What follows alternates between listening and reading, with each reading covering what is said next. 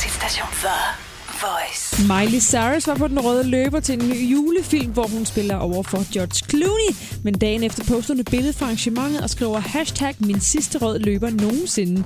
Ingen ved, om hun mener det. Kim Kardashian har født barn nummer to. Det er en dreng, og han blev født tre uger for tidligt. Faren er som bekendt Kanye West. Navnet er ikke blevet offentliggjort endnu, men lur mig, om det ikke bliver noget med nord, syd, øst eller vest.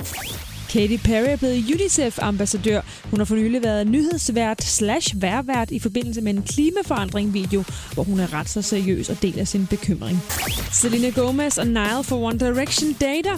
De er blevet set kysse til et event og holdt i hånden, inden de skulle op i en forlystelse. Chris Brown er snart klar med sit nye album Royalty, som er opkaldt efter hans datter den 18. december. Hun har givet ham inspiration og blandt andet fået ham til at droppe cigaretterne. Brown har selv udtalt, at han vil være et rigtig godt forbillede for hende, og derfor må han ændre sit liv. Danmarks station for Voice.